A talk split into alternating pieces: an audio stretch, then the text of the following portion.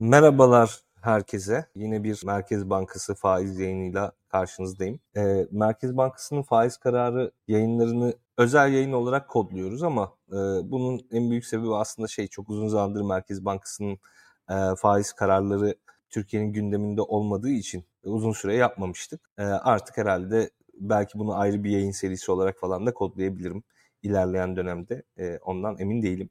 E, bunun haricinde yayının başında hatırlatayım. Yayını mutlaka beğenin lütfen. Daha çok kişiye önersin YouTube.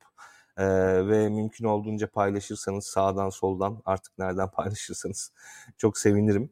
Ee, bu yayınları daha düzenli hale getirmek istiyorum. Sorularınızı da e, cevaplayacağım e, arkadaşlar. Sorularınız da olursa yazabilirsiniz. Hatta şöyle hemen çete bir bakayım. Ekstra bir soru var mı? Yok herkes merhaba merhaba demiş. Ben de herkese tekrardan merhaba diyorum.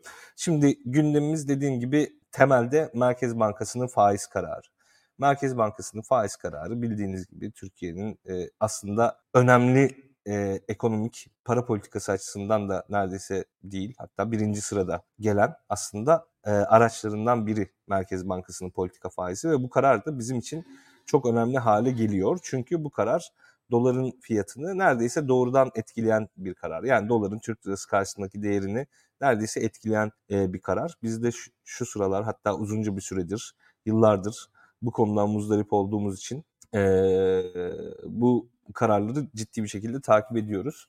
Hemen mesela bir soru gelmiş bakalım. Can sormuş. Hocam sence yine faiz artırımı minimum beklentiden mi yürürler geçen ay olduğu gibi? Şimdi geçen ayki faiz kararı yayınında ben şöyle bir şey demiştim. Bana göre olması gereken %35 en az. E, piyasa beklentisi %25 ama bunların yapabilecekleri şey %15.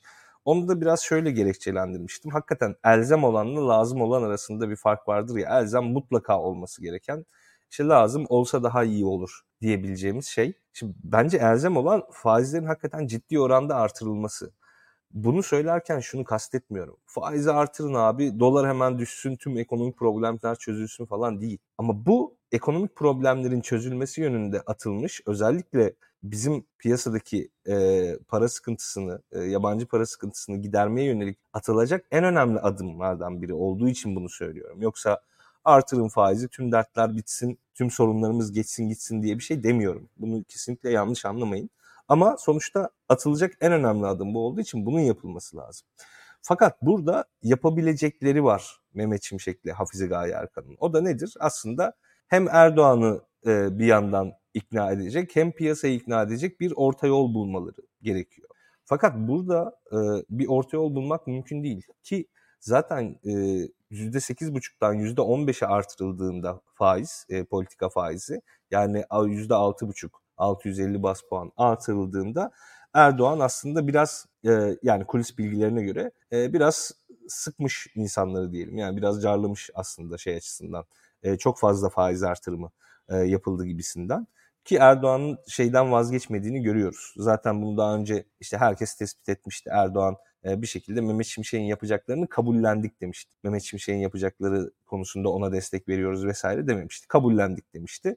Onun bir göstergesi olarak da %15'e getirilmesinin e, faizin faizin %15'e getirilmesinden sonra yarattığı sıkıntıdan anlıyoruz. Hakikaten e, güçlü bir destek yok aslında. E, mali pardon ekonomi e, aktörlerinin e, arkasında hükümet desteği veya işte Erdoğan desteği yok. E, bu nedenle orada yapabilecekleri şeyler sınırlı. Normalde bundan bir hafta öncesine kadar e, en azından bir 500 bas puan daha faiz artırımı yapılır, %20'ye çıkartılır e, gibi bir bakış açısı vardı piyasanın. Beklenti açısından böyleydi. Fakat bu haber yani Erdoğan'ın bir önceki faiz artırımını çok yüksek bulduğu ve bunun için ekonomi yönetiminde sıkıntı çıkardığı haberi yaygınlaştıktan sonra e, bu beklentiler biraz aşağı doğru çekildi.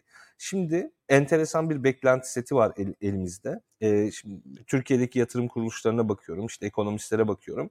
200 bas puandan yani %2'den 650 bas puana kadar yani %6,5'a kadar e, arada bir beklenti e, verisi var. Yani ama bunun medyanını aldığınızda yani herhalde o şey e, en güçlü o ortalama beklenti diyebileceğimiz şeye baktığınızda faizlerin %18'e yani 300 bas puan daha artırılarak %18'e çıkartılacağı düşünüyor. Benim de tahminim %2,5 %3 arasında bir pardon %2 %3 arasında bir faiz artırımı yapılacağı yönünde. Yani faizler ya politika faizi ya %17'ye ya da %18'e çıkartılır. Sabit tutulması e, do, TL'nin dolar karşısındaki değerinin e, koruması açısından en kötü senaryo gibi duruyor. E, zaten düşürülmesini hiçbir şekilde beklemiyoruz. O neredeyse ihtimaller dışı. Eğer beklentinin üzerinde, dedim demiştim ya beklentiler 500 bas puandı, işte 250-300'e doğru indi. Yani %18'in üzerinde herhangi bir e, faiz belirlenmesi de e, aslında Türk liranın dolar karşısında değer kazanması açısından en olumlu senaryo. Burada şeyi tekrar vurgulamak lazım. Faizi artırdığınızda TL dolar karşısında değer kazanır ve tüm problemler biter demiyorum kesinlikle. Fakat e, atılacak en önemli adımın bu olduğunu düşündüğüm için e, bunun böyle olması gerektiğini söylüyorum. E, şimdi şöyle bir durum var. E, biliyorsunuz yakın zamanda 3 gün boyunca Erdoğan şeydeydi, e, Körfez ülkelerindeydi. Birleşik Arap Emirlikleri, Suudi Arabistan ve Katar'la görüştü. E, bu görüşmelerin içeriği tabii ki Türkiye Cumhuriyeti'ne dışarıdan e, yabancı para girişini sağlamaktı. Yani bir sermaye girişi sağlamaktı. E, bu sermaye girişi gezisinden çok beklenen oldu mu ya da bizim zaten e, beklentimiz çok mühim değil. Hükümetin beklediği e, derecede sermaye geldi mi derseniz bence bunun cevabı net olarak hayır. Çünkü 3 tane gezi yapıldı bildiğiniz gibi ve bu 3 geziden e, zaten giderken duyurmuşlardı. Yatırım ve işbirliği anlaşmaları yapmak için gidiyoruz demişlerdi. Tek neredeyse somut adım Birleşik Arap Emirlikleri gezisinden çıktı. Karşılıklı ikili anlaşmalarla 50.7 milyar dolarlık yanlış e, hatırlamıyorsam bir e, karşılıklı yatırım ve işbirliği anlaşması çıktı. Tabii bu 50.7 milyar doları şöyle düşünmemeniz lazım. 50 milyar dolar Türkiye'ye verilecek, Türkiye'ye hemen yatırılacak bir para değil. Bunlar çok uzun vadeli işbirlikleri için konuşulan rakamlar. Yani ve Türkiye Birleşik Arap Emirlikleri karşılıklı. Aynı zamanda Türkiye oraya da e, bazı yatırımlar yapabilir. Bu e, şeyin içerisinde, paketin içerisinde onlar da var. E, öyle olunca e, son günde son günlerde biliyorsunuz dolarda bir tekrar sıçrama gördük. 27 e, limitini geçti e, dolar. Normalde 26 seviyesinde tutulmaya çalışıyordu. 27'yi birden aştığını gördük. Bunun da aslında en büyük sebebi şu. Şimdi e, Merkez Bankası önceden ne yapıyordu? E, rezervlerini eritmek pahasına e, sürekli piyasaya dolar verip Türk lirası çekiyordu ve Türk şeyin e, dolar e, piyasaya satıyordu ve doların fiyatının düşük olmasını sağlıyordu. Bu imkanı ortadan kaldırdıktan sonra biz rezervlerimizi güçlendireceğiz dedikten sonra zaten dolarda bir sıçrama görmüştük. Ama sonra yeni haberler düşmeye başladı. Haberlerin ekonomiye etkisi nasıl oluyor? Bundan daha önce de bahsetmiştik. Aslında beklentileri yönetmekle ilgili bir şey olduğu için ekonomi biraz da yani beklentiler ekonomik karar almada vesaire çok önemlidir veya işte belli tahminler yürütmede. Orada beklentileri biraz daha aşağı çekti aslında bu Körfez gezisi. Çünkü piyasa şöyle bir şey umdu. Körfez gezisi yapılacak. İşte daha önce Katar'ın, Suudi Arabistan'ın yaptığı gibi bazı e, bir miktar para işte Türkiye'ye depo edilebilir, doğrudan gönderilebilir. İşte çeşitli swap anlaşmaları şunlar bunlar yapılabilir. Böyle bir beklentiye girmişti piyasa. Fakat o üç günlük gezinin sonucunda Türkiye'ye doğrudan gelecek para miktarı çok sınırlı kalınca e, piyasada şunu anladı. Evet yani Türkiye'ye artık hani kimse böyle çok karşılıksız diyebileceğimiz neredeyse. Tabii hiçbiri karşılıksız değil. Hepsi bir nevi borç türevi veya borç. Ee, ama karşılıksız iyilik neredeyse diyebileceğimiz şey yapmayacak. Ve uzun vadeli artık çıkarlarını e, da ön plana sürüyor Körfez ülkeleri. E, gerçi Katar e, toplantısından sonra işte iki ülke kardeşlik hukukuna bağlı olarak birbirini karşılıksız destekleyecektir minvalinde bir açıklama yapıldı ama sonuçta bu somut bir şey değil. Yani bu karşılıksız desteğin e, altında ne var? Yani Katar e, ilk atıyorum 2023 yılı içerisinde Türkiye'ye 20 milyar dolar daha yatırım yapacak mı var? İşte Katar Türkiye'deki bazı özel şirket sektörlerine e, yatırım yapacak. İşte onların dünya pazarlarına açılmasını sağlayacak sermayeyi verecek mi var? Yani bunun altında hiçbir şey yok. Bir ayrıntı yok. E, dolarda sıçramayı gör, görünce bu sefer Mehmet Şimşek cenahından bir e, açıklama geldi. Yani dolardaki sıçramayı durdurmak, yine bir olumlu haber piyasaya pompalamak için bu sefer de Mehmet Şimşek şöyle bir açıklama yaptı. Ya bu deprem tahvili konusu gibi bir şey ortaya sürdüler. Halbuki depremden e, önce işte benim deprem bankası kuralım, e, fikrim gibi veya depremden sonra işte deprem tahvili çıkartalım e, fikirleri ortaya atılmıştı tüm ekonomistler tarafından neredeyse daha rasyonel bakış açısına sahip insanlar tarafından. Fakat bu hayata geçirilmemişti. Anladığımız kadarıyla bu öncelikle yabancı sermaye açısından hayata geçirilecek bir e, fikir gibi gelmiş e, ekonomi yönetimine. Bu deprem tahvili konusunu e, öne çıkardı e, Mehmet Şimşek. Ve bu deprem tahvilinin de benim anladığım kadarıyla veya işte gözlemlediğim kadarıyla sukuk şeklinde yani bir nevi İslami tahvil e, şeklinde yapılabileceğini düşünüyorum. Burada da hem Mehmet Şimşek'in söylemlerinden hem de farklı e, eko, ekonomistlerin, akademisyenlerin yorumlarına baktığımda aşağı yukarı 5 ila 10 milyar dolar arasında bir para girişi olabilir Türkiye'ye belli bir vadede geri ödenmek üzere. Şimdi burada da şöyle bir konu karşımıza çıkıyor. Ya madem hakikaten bir deprem tahvili şunu bunu yapılacaktı, bunu Türkiye'de niye yapmadınız? Yani Türkiye'nin içerisinde yaşayan yatırımcılara yönelik niye yapmadınız? Aslında bu bir nevi faiz artırıcı bir etki yapabilirdi piyasa faizlerini artırıcı. Ama e, burada karşımıza maalesef şey çıkıyor. E, hükümet şeyi istemiyor. Yani faizi yüksek herhangi bir enstrümanı işte kullanmak istemiyor ekonomi politikası yürütürken.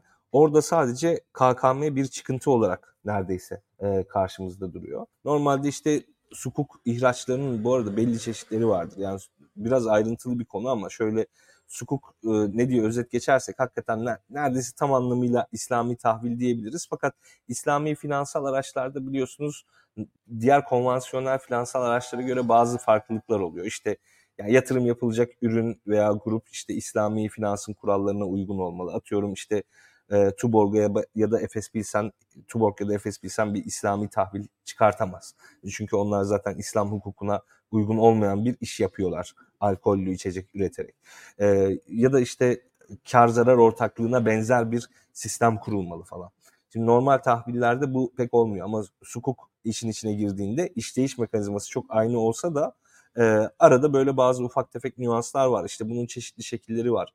Kimisi kira sertifikası daha önce duymuşsunuzdur. Hazinede ihraç etmişti altın kira sertifikası diye bir şey. İşte muda araba şeklinde oluyor. Muşaraka dediğimiz bir şekil var. İşte belli şirketlerin ortaklaşarak falan filan e, yaptığı şeyler var. İşte murabaha dediğimiz bir şey var. Onun haricinde işte salem ya da selam denilen bir yöntem var. Yani çok farklı aslında sukuk metotları var. Ben açıkçası yani bu bu tabii çok önemli bir pazar e, İslam dünyası için. E, Türkiye'de uzun yıllardır aslında bu sukuk ihracı işinde e, bir şekilde teknik anlamda bazı yollar kat etti e, şey anlamında olmasa da e, kapital sağlama, sermaye sağlama açısından olmasa da teknik anlamda hani bu işin nasıl yapılacağı, nerede yapılacağı, bu işin pazarının neresi olduğu az çok belli. E, orada bir teknik yeterlilik oluştu. Oradan bir e, yatırım çekme e, işi yapılacak gibi görüyorum. E, tabii bunun nihayetinde her çıkardığınız tahvilin, her çıkardığınız finansal aracın bir getiri sağlaması lazım. Yani gerçekten tamamen zarar edileceği belli olan e, herhangi bir sukuk ürününe hiçbir şey yatırım yapmaz. Yani hiçbir İslami finans kuruluşu, ülkesi, işte e, sermaye ortaklığı vesaire yatırım yapmaz yani. Çünkü orada kar zarar ortaklığı vesaire de olduğu için orada e, sizin aslında kar getirici işlemler e, yapacağınızı bir şekilde e, neredeyse kanıtlamanız gerekiyor. E, burada da hükümetin önünde böyle zorlu bir süreç var e, şimdi e, yürütmesi gereken. E, birazdan faiz kararı açıklanır. Çok az bir süre kaldı. E, ekranı da yansıtacak e, sağ olsun e, arkada bana yardımcı olan e, Onur ve Hilal var. Bu programı e, yapmamda bana yardımcı olan. Onlar da zaten ekrana yansıtacak. Orada görürüz. Son an yani son olarak tekrarlayayım. E, beklentiler e, 250-300 bas puan şeklinde. Benim de beklentim 200 ila 300 bas puan artırım olacağı şeklinde. Yani %17,5 veya %18'e çıkartılacağı şeklinde e, doların e, şey pardon politika faizinin.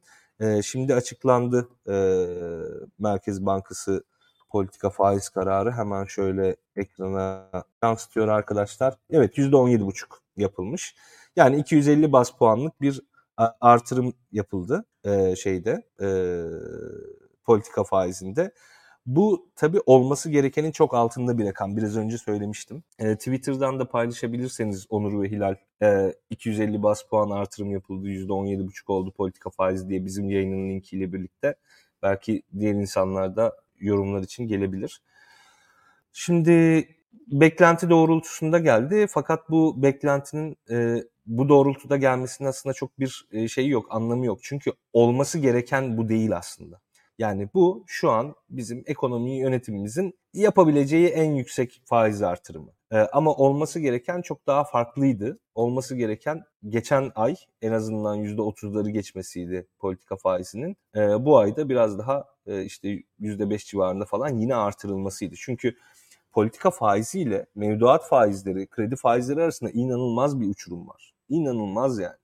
Bunu bir şekilde yani kredi faizlerinin aşağı gelmesini bekliyorsanız yani daha çok bekleyeceksiniz belli ki. Hani bunların bir şekilde eşleşmesi, eşleşmesi lazım. Nasıl eşleşecek?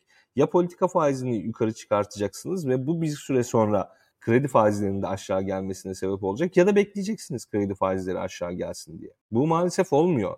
Bakın şu an kredi muslukları neredeyse akmıyor. Yani e, kredi almak isteyeniniz varsa işte çok küçük krediler işte 250 bin liralık 300 bin liralık girişim kredileri e, çok işte belli şartlara bağlı olan bazı krediler e, işte ya da ne bileyim büyük şirketlerin vesaire bazı rotatif kredileri şunları bunları falan filan ancak e, piyasaya verilebiliyor. Krediler zaten yani kredi muslukları neredeyse kapanmış olmasına rağmen kredi faizleri aşağıya gelmiyor. Çünkü bu kredinin maliyeti var mevduat faizleri biraz aşağı gelse de kredi faizleri doğru düzgün aşağıya gelmiyor. Bakın buna rağmen piyasada yani kredi piyasada bol değilse nedir? Türk lirası biraz daha azalmış demektir.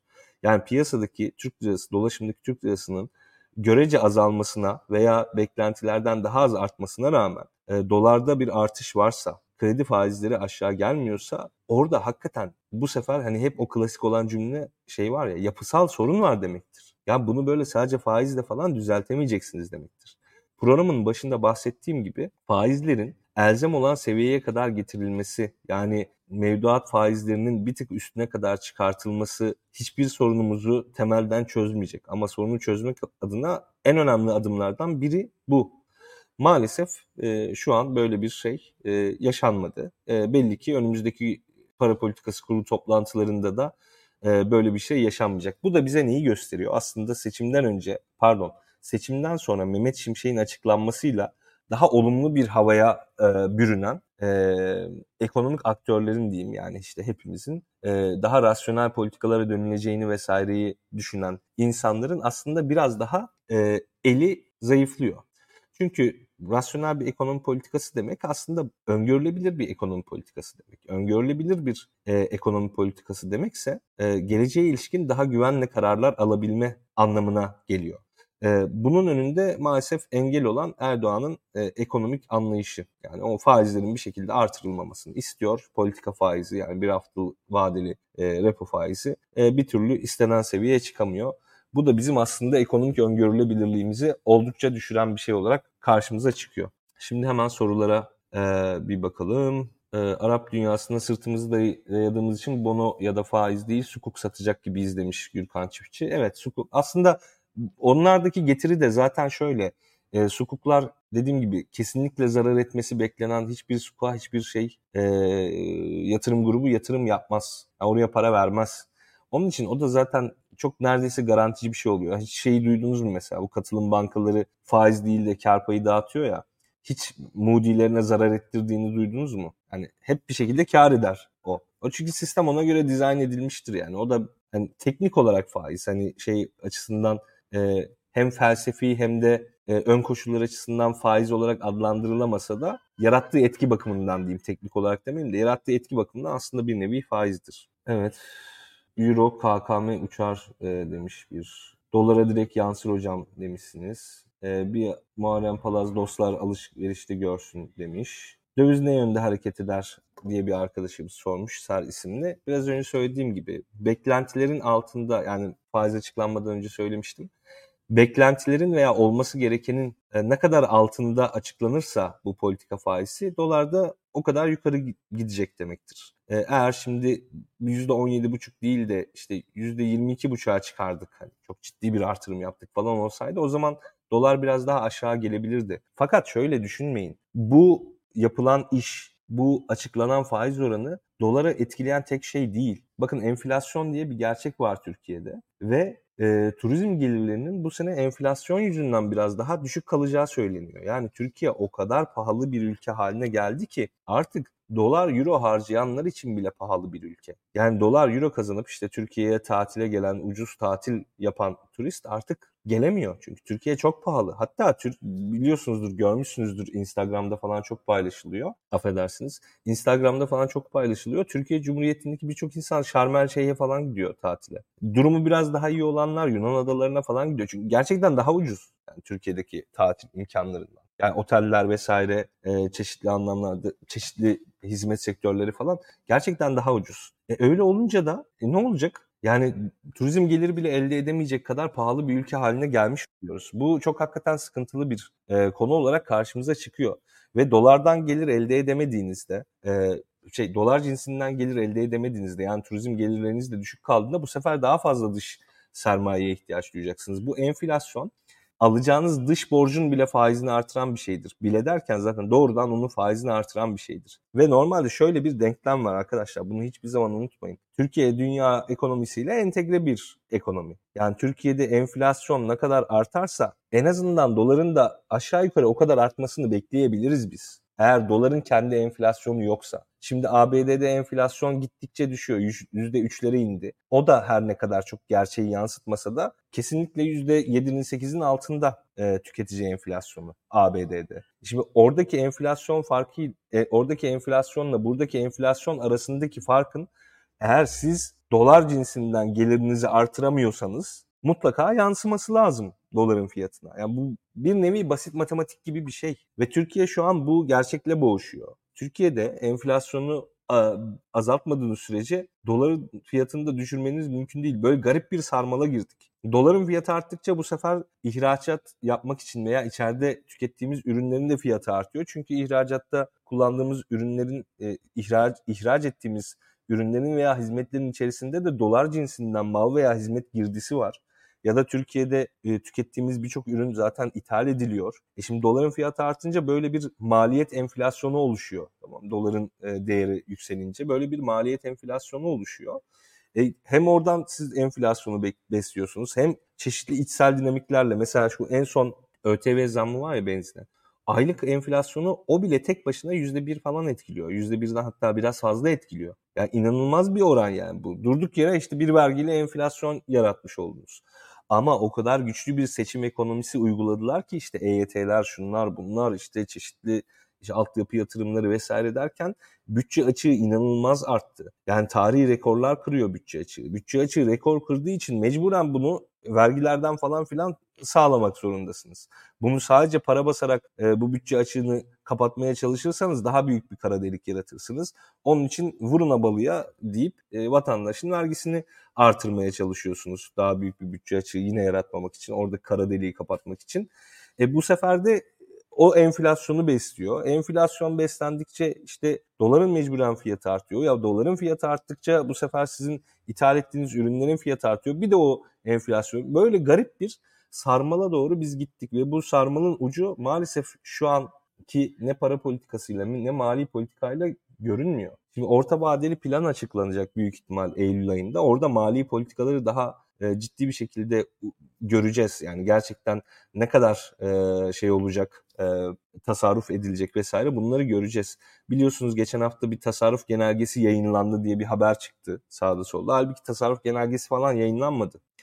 2021'de Cumhurbaşkanı Erdoğan'ın yayınladığı tasarruf belgesini Mehmet Şimşek yeniden hatırlatmış kurumlara. Sadece olan şey bu. Hani böyle bir tasarruf genelgesi vardı bakın hala tasarruf etmiyorsunuz belli ki. Ee, biraz daha tasarruf ederseniz iyi olur gibi bir e, şey vardı. E, bakış açısı vardı e, şeyin. E, pardon uyarısı vardı Mehmet Şimşek'in. Bunun çok işe yaramayacağı maalesef ortada. E, enfla bu arada politika faiz kararını aşağıya bant olarak veya işte e, normal bir şey olarak yazabiliriz arkadaşlar. İyi olabilir o açıdan. E, yayını birazdan e, kapatayım istiyorum. Ha, otobüs ama sorularınıza ve yorumlarınıza bakıyorum arkadaşlar. Lütfen sormak istediğiniz bir şey varsa sorun. Biraz daha etkileşimli yapabiliriz yayınları. Ben bakıyorum.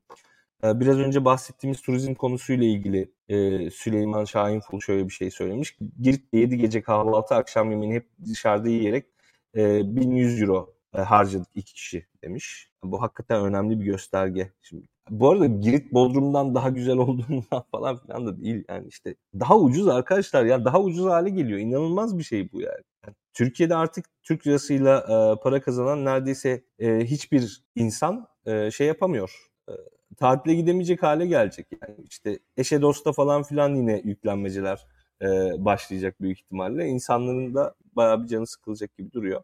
Otobüs otobüs fiyatları %30-40 arttı demiş bir arkadaşımız. Doğru. Otobüs fiyatları yani zaten bu MTV'den dolayı işte ÖTV benzine gelen zamlardan dolayı falan ciddi anlamda arttı. Doların yükselişiyle beraber daha da artacak. Bu arada o ÖTV zamları bayi karlarını da eriten bir etki yaptı. Yani benzin satan yerler var ya bayiler. Onların karları da eridi. Onlar da karlarını korumak için büyük ihtimal e, şöyle bir 75 kuruş 1 lira civarında kendileri yazam yaptı ya da yapacak öyle bir e, şey de var, durumda var. Hülya Yamanel önemli bir konuya değinmiş. Yerel seçimde kazanmak için Aralık-Ocak ayında bir seçim ekonomisi daha uygulanacak. Sonrasını tahayyül edemiyorum. Ya siz demiş. E, Aralık-Ocak ayında uygulanacak şeyin haberi büyük ihtimal Eylül-Ekim'de gelir. Eylül-Ekim'de biraz anlarız e, nasıl bir seçim ekonomisi sistemi uygulayacaklar vesaire. E, ona biraz o zaman değerlendiririz ama se- affedersiniz seçim ekonomisi uygulayacağı kesinleşti gibi bir şey.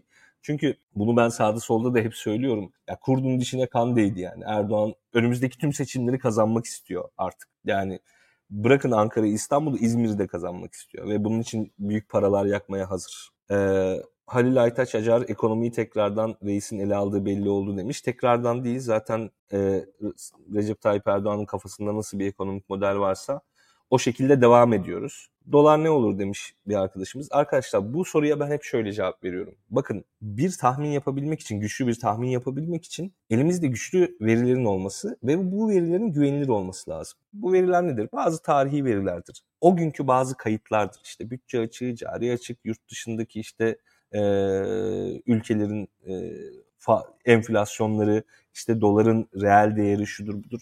Bunlar olması lazım ama bizim elimizdeki veriler güvenilir değil. Elimizdeki verileri üreten aktörler de güvenilir değil. Normalde Mehmet Şimşek geldiğinde herkes ne düşündü? Ya bu politika faizleri hızlı bir şekilde piyasa faizlerine doğru yakınsar. Sonra da birlikte aşağı gelmeye başlarlar diye düşündü. Ama orada işte Erdoğan belli ki e, bu konulara biraz sınır koymuş. Belli sınırlar çizmiş. Şimdi güvenilir bir aktör olmayınca ekonomiyi belirleyen aktör siz nasıl bir tahmin yürütebilirsiniz? Yani hiçbir şekilde yürütemezsiniz. Çünkü doların fiyatını etkileyen tek şey faiz falan da değil. Hani faiz %10'da 7,5 oldu. Dolar %31 olur diyemeyiz. Yani bir sürü başka haberler şunlar bunlar var. İşte Erdoğan'ın bakış açısı, Mehmet Şimşek'in çeşitli zorlamaları, Hafize Gaye Erkan'ın geçmiş işte e, şeyi kariyeri şu bu falan. Yani bin bir türlü şey var. O an piyasada olan her şey nihayetinde Türk lirasının değerini etkiliyor. E şimdi onun için sadece şunu demekle yetinebilirim. Eğer böyle gidecekse bu faiz işi ve Körfez'den de e, beklenen olmadığı e, aşağı yukarı o, bunu kesinlikle söyleyebiliriz. E, dolarda yön hala yukarı, Euro'da yön hala yukarı. Çünkü oralarda da enflasyon e, hem düşüyor. E, Faruk Akan, Faruk bir soru sormuş. Enflasyon ivmesi konusunda ne düşünüyorsunuz? Mala dönme çılgınlığı ne kadar? Bak bu konu çok önemli. Bu konu pek aslında konuşulmuyor. Yani herkes şimdi normalde şöyle bir şey oldu tamam enflasyon %40 aslında %60 ya. Gelecek dönemde daha da artacak daha da artacak. Yani enflasyonun yüzde olarak hani malların fiyatları değil malların fiyatının artış hızı da artacak yani ivmeli bir şekilde artacak mal fiyatları diye herkes malda kalmaya işte ev arsa şu bu falan filan e, çalışıyordu. E, mal derken işte reel mallardan bahsedeyim yani illa finansal piyasalardan bahsetmiyorum. Çoğunlukla reel mallar için soruyor bu soruyu da Faruk anladığım kadarıyla. Bu daha ne kadar devam edecek demiş. Yani bu hakikaten güvenilir bir e, ekonomik program açıklanana kadar devam eder. Ya da şu zaman bitebilir. Gerçekten hiç kimsenin parası kalmaz ve dışarıdan da bir şekilde yatırım gelemeyeceği belli olur. Çünkü Türkiye'nin doğrudan aldığı yabancı yatırımın bir kısmı hala emlak yani önemli bir kısmı emlak vesaireye aslında geliyor. Yani ya insanlar e, ya Türkiye artık çok pahalandı deyip almayı bırakır ve Türkiye içerisindeki insanların da parası kalmaz. O zaman mala dönme e, çılgınlığı azalır. Ama eğer bu şekilde devam edeceksek devam eder. Ee, özellikle seçim ekonomisi falan filan hakikaten geliyor. O, o süreçte ben açıkçası şey zannetmiyorum. Yani bu mala dönme çılgınlığının azalacağını hiç sanmıyorum. Dolar ne zaman 40 TL olur e, diye bir soru var. Biraz önceki verdiğim cevabın benzerini vereyim. Yani bir zaman, bir tarih belirtmek çok zor. E, en son dolar işte çok ciddi sıçradığında bir KKM hareketi yapmıştı e, Erdoğan ve Nebati. E, bunu çok gururla ve işte kıvançla yapmışlardı. Fakat o gün herkes demiştik ya bu yeniden kendi seviyesine gelir ve bu hazineye e, dolayısıyla insanlara da çok büyük bir e, yük bırakır. Şimdi her ne kadar hazinenin üzerindeki yükü Merkez Bankası alsa da o da insanlara yük. Merkez Bankası nihayetinde bir nevi para basarak bu işte KKM'den doğan farkı falan ödeyecek. O da enflasyon olarak geri bize dönecek. Yani eğer e, Erdoğan bu %17,5'a da kızıp e, artık daha yüksek bir sesle Mehmet Şimşek ve onun temsil ettiği ekonomik anlayışına itirazını yükseltirse doların 40 TL olması sandığımızdan daha yakın olur e, MFK'ya serbest markete yani serbest piyasaya bu kadar müdahale varken TR'ye değerlemesi ne kadar anlamlı? Serbest piyasa eski haline gelip KKM kapatılırsa TR'ye değerlemesi nasıl olur demiş. Cevabı çok uzun bir soru ama serbest piyasa kısmına vurgu yaptığınız için şöyle bir şey söyleyelim. Ya her şeyi kontrol etmeye çalışıyorsunuz. Bir yandan da uluslararası sisteme bağlı kalmaya çalışıyorsunuz. İşte kira fiyatlarını kontrol edeyim, işte maaşları kontrol edeyim. Yani sadece kamu görevlisi maaşlarını da değil. İşte bu şey aracılığıyla e, asgari ücret aracılığıyla neredeyse tüm maaşları kontrol edeyim. İşte şirket karlılıkları ile ilgili de neredeyse bir kontrol var. Enflasyon muhasebesi falan uygulanmadığı için. Ya hem bunları kontrol edeyim hem de işte dünya piyasalarına bağlı kalayım demeniz çok bir anlam ifade etmiyor. Ve bu aslında büyük bir kafa karışıklığına sebep oluyor. Bu kafa karışıklığı da zaten bir geleceğe yönelik belirsizlik ve güvensizlik duygusu yarattığı için hem dış yatırım hem de içeridekilerin parasını yatırıma dönüştürmesi, Faruk'un dediği gibi mala değil de üretime dönüştürmesi imkansız hale geliyor. Biraz burada hakikaten serbestleşme ihtiyacı var. Biraz değil bayağı bir serbestleşme ihtiyacı var. İnsanlar genellikle serbest piyasa deyince zenginlerin işine yarayan bir şey ya bu falan diye düşünüyorlar. Halbuki tam olarak öyle değil serbest piyasa hepimizin hakikaten ekonomik aktörleriz biz yani. Rasyonel karar alma e, mekanizmamızı, duygularımızı, melekelerimizi güçlendiren bir şeydir. Bu ortadan kaybolduğu için biz şu an ne yapacağımızı bilemiyoruz. Ve enflasyonu besle, besleyen en önemli sebeplerden e, biri de bu. Ali Can Tombul hocam asetlerimiz ne durumda? Körfez turundan sonra kalmış mıdır demiş. Belli ki kalmış. E, oradan çok ciddi bir somut çıktı elde edilemedi. Sadece şeyi gördüm ben. Baykar Suudi Arabistan'la bir sözleşme imzalamış. E Baykar o yani hani Baykar olmadığınız sürece o tarz sözleşmelerin böyle uluslararası e, etkisi veya haberi falan pek olmuyor. E, asetlerimiz de arkadaşlar gereğinden fazla değerli gözüküyor olabilir yabancı yatırımcı için. E, doların onun için bir müddet daha yukarı doğru gitmesini bekliyor olabilirler. AirPod'la yayın yaptığı ekonomi bize neler yapar demiş. Yani tek AirPod arkadaşlar şey tek, tek AirPod'la yayın yapıyorum. Çünkü zaten bir tanesi duymam için yeterli. Şarjı daha uzun gitsin diye. bir arkadaşımız 1200 dolarım var son birikimim demiş. Maalesef arkadaşlar Türkiye birikim konusunda inanılmaz sancılı bir ülke. Çok uzun süredir tarih boyunca neredeyse tasarruf açığı olan bir ülke. Ve hepimizin e, sıkıntısı bu. Birikim yapamıyoruz. Birikim olmazsa yatırım olmaz. Yani biz bir şeyler biriktireceğiz ki işte bazı insanlar da onu yatırıma dönüştürsün. Tamam mı? Biz bir şeyler biriktireceğiz. Diğer insanları e, elinde parası olmayan insanlara kredi açacağız ve onlar da yatırıma dönüştürecek. O yatırımdan belli bir üretim çıktı olacak. Oradan belli bir kar oluşacak.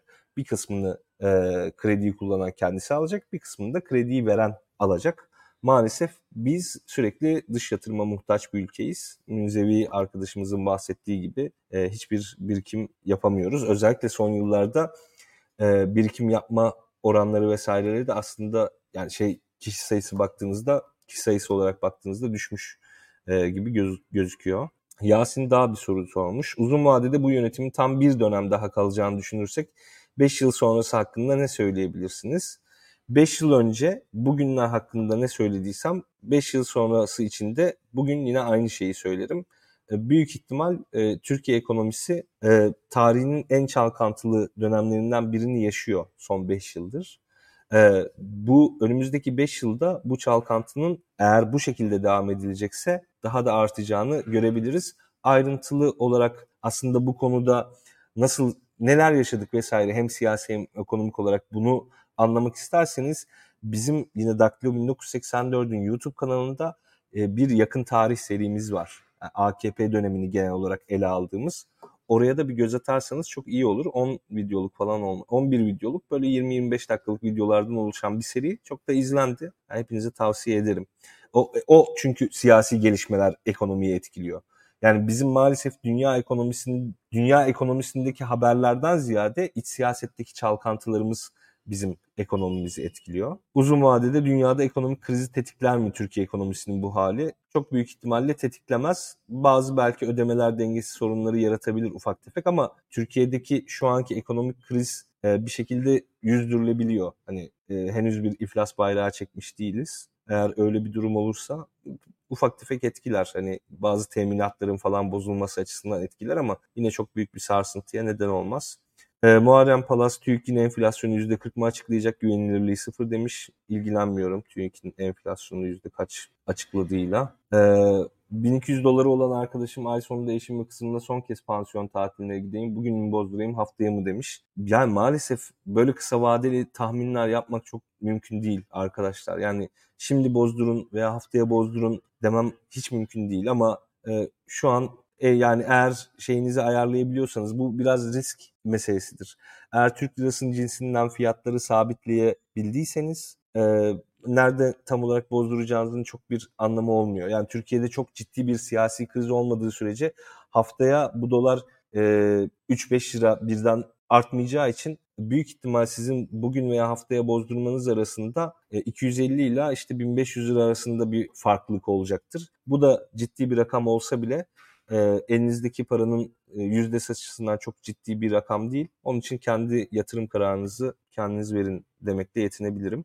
Son olarak bir soru var mı? Şöyle bir bakayım. Soru yok ama enflasyon hedefi %5'miş diye bir şey var. Evet o standart bir hedeftir. Duyunun umumiyeye ne kadar kaldı diye sormuş Gürkan Çiftçi. Duyunun umumiyeye e, Duyunun umumiye bu arada e, genellikle kötü bir kurum olarak anlatıldı bize de hakikaten Osmanlı'nın kurumsal kapasitesini artıran, e, Türkiye Cumhuriyeti'ne de önemli bir kurumsal miras bırakan bir kurumdur Duyunu Umumiye. E, bir gün Duyunu Umumiye özel yayını yapacağım. E, onu da ayrıca Daktilo 1984'ten izleyebilirsiniz. E, lütfen bizi takip edin, beni Twitter'dan takip edin. Sorularınız olursa her zaman hem işte Daktilo 1984'de hem e, Twitter'dan bana yönlendirebilirsiniz. Bu faiz yayınlarını düzenli olarak yapacağım. Onun için lütfen bu yayını izledikten sonra da eğer beğenmediyseniz beğenin. Kanala abone olmadıysanız abone olun. Şöyle bir 30 bin e, bandını biraz aşalım. E, farklı mecralardan da paylaşırsanız çok sevinirim. E, umarım e, bir sonraki faiz yayınından önce yine Daktilo 1984 ekranlarında buluşuruz. Ama buluşamazsak bir sonraki faiz yayınına kadar hoşçakalın diyeyim. Ve son olarak bir şey daha hatırlatayım. Bildirimleri açın arkadaşlar. Hakikaten çok emek veriyoruz. Ee, burada böyle bir grup akademisyen medyacılığa soyunmuş gibi olduk ama hani kendi bilgimizi, birikimimizi daha kolay tüketilebilir formatlarda size ulaştırmaya çalışıyoruz. Normal bir ya da bir yatırım bankacısından, bir finansçıdan daha fazla işte ekonomik temelli bir şekilde size bu elimdeki verileri, işte yaşananları aktarmaya çalışıyorum. Bize bildirimleri açarak, abone olarak destek olabilirseniz çok seviniriz. Ayrıca bağış yapmak isterseniz de Patreon ve YouTube katılı kullanabilirsiniz. Çok teşekkür ederim beni izlediğiniz için. Hoşçakalın.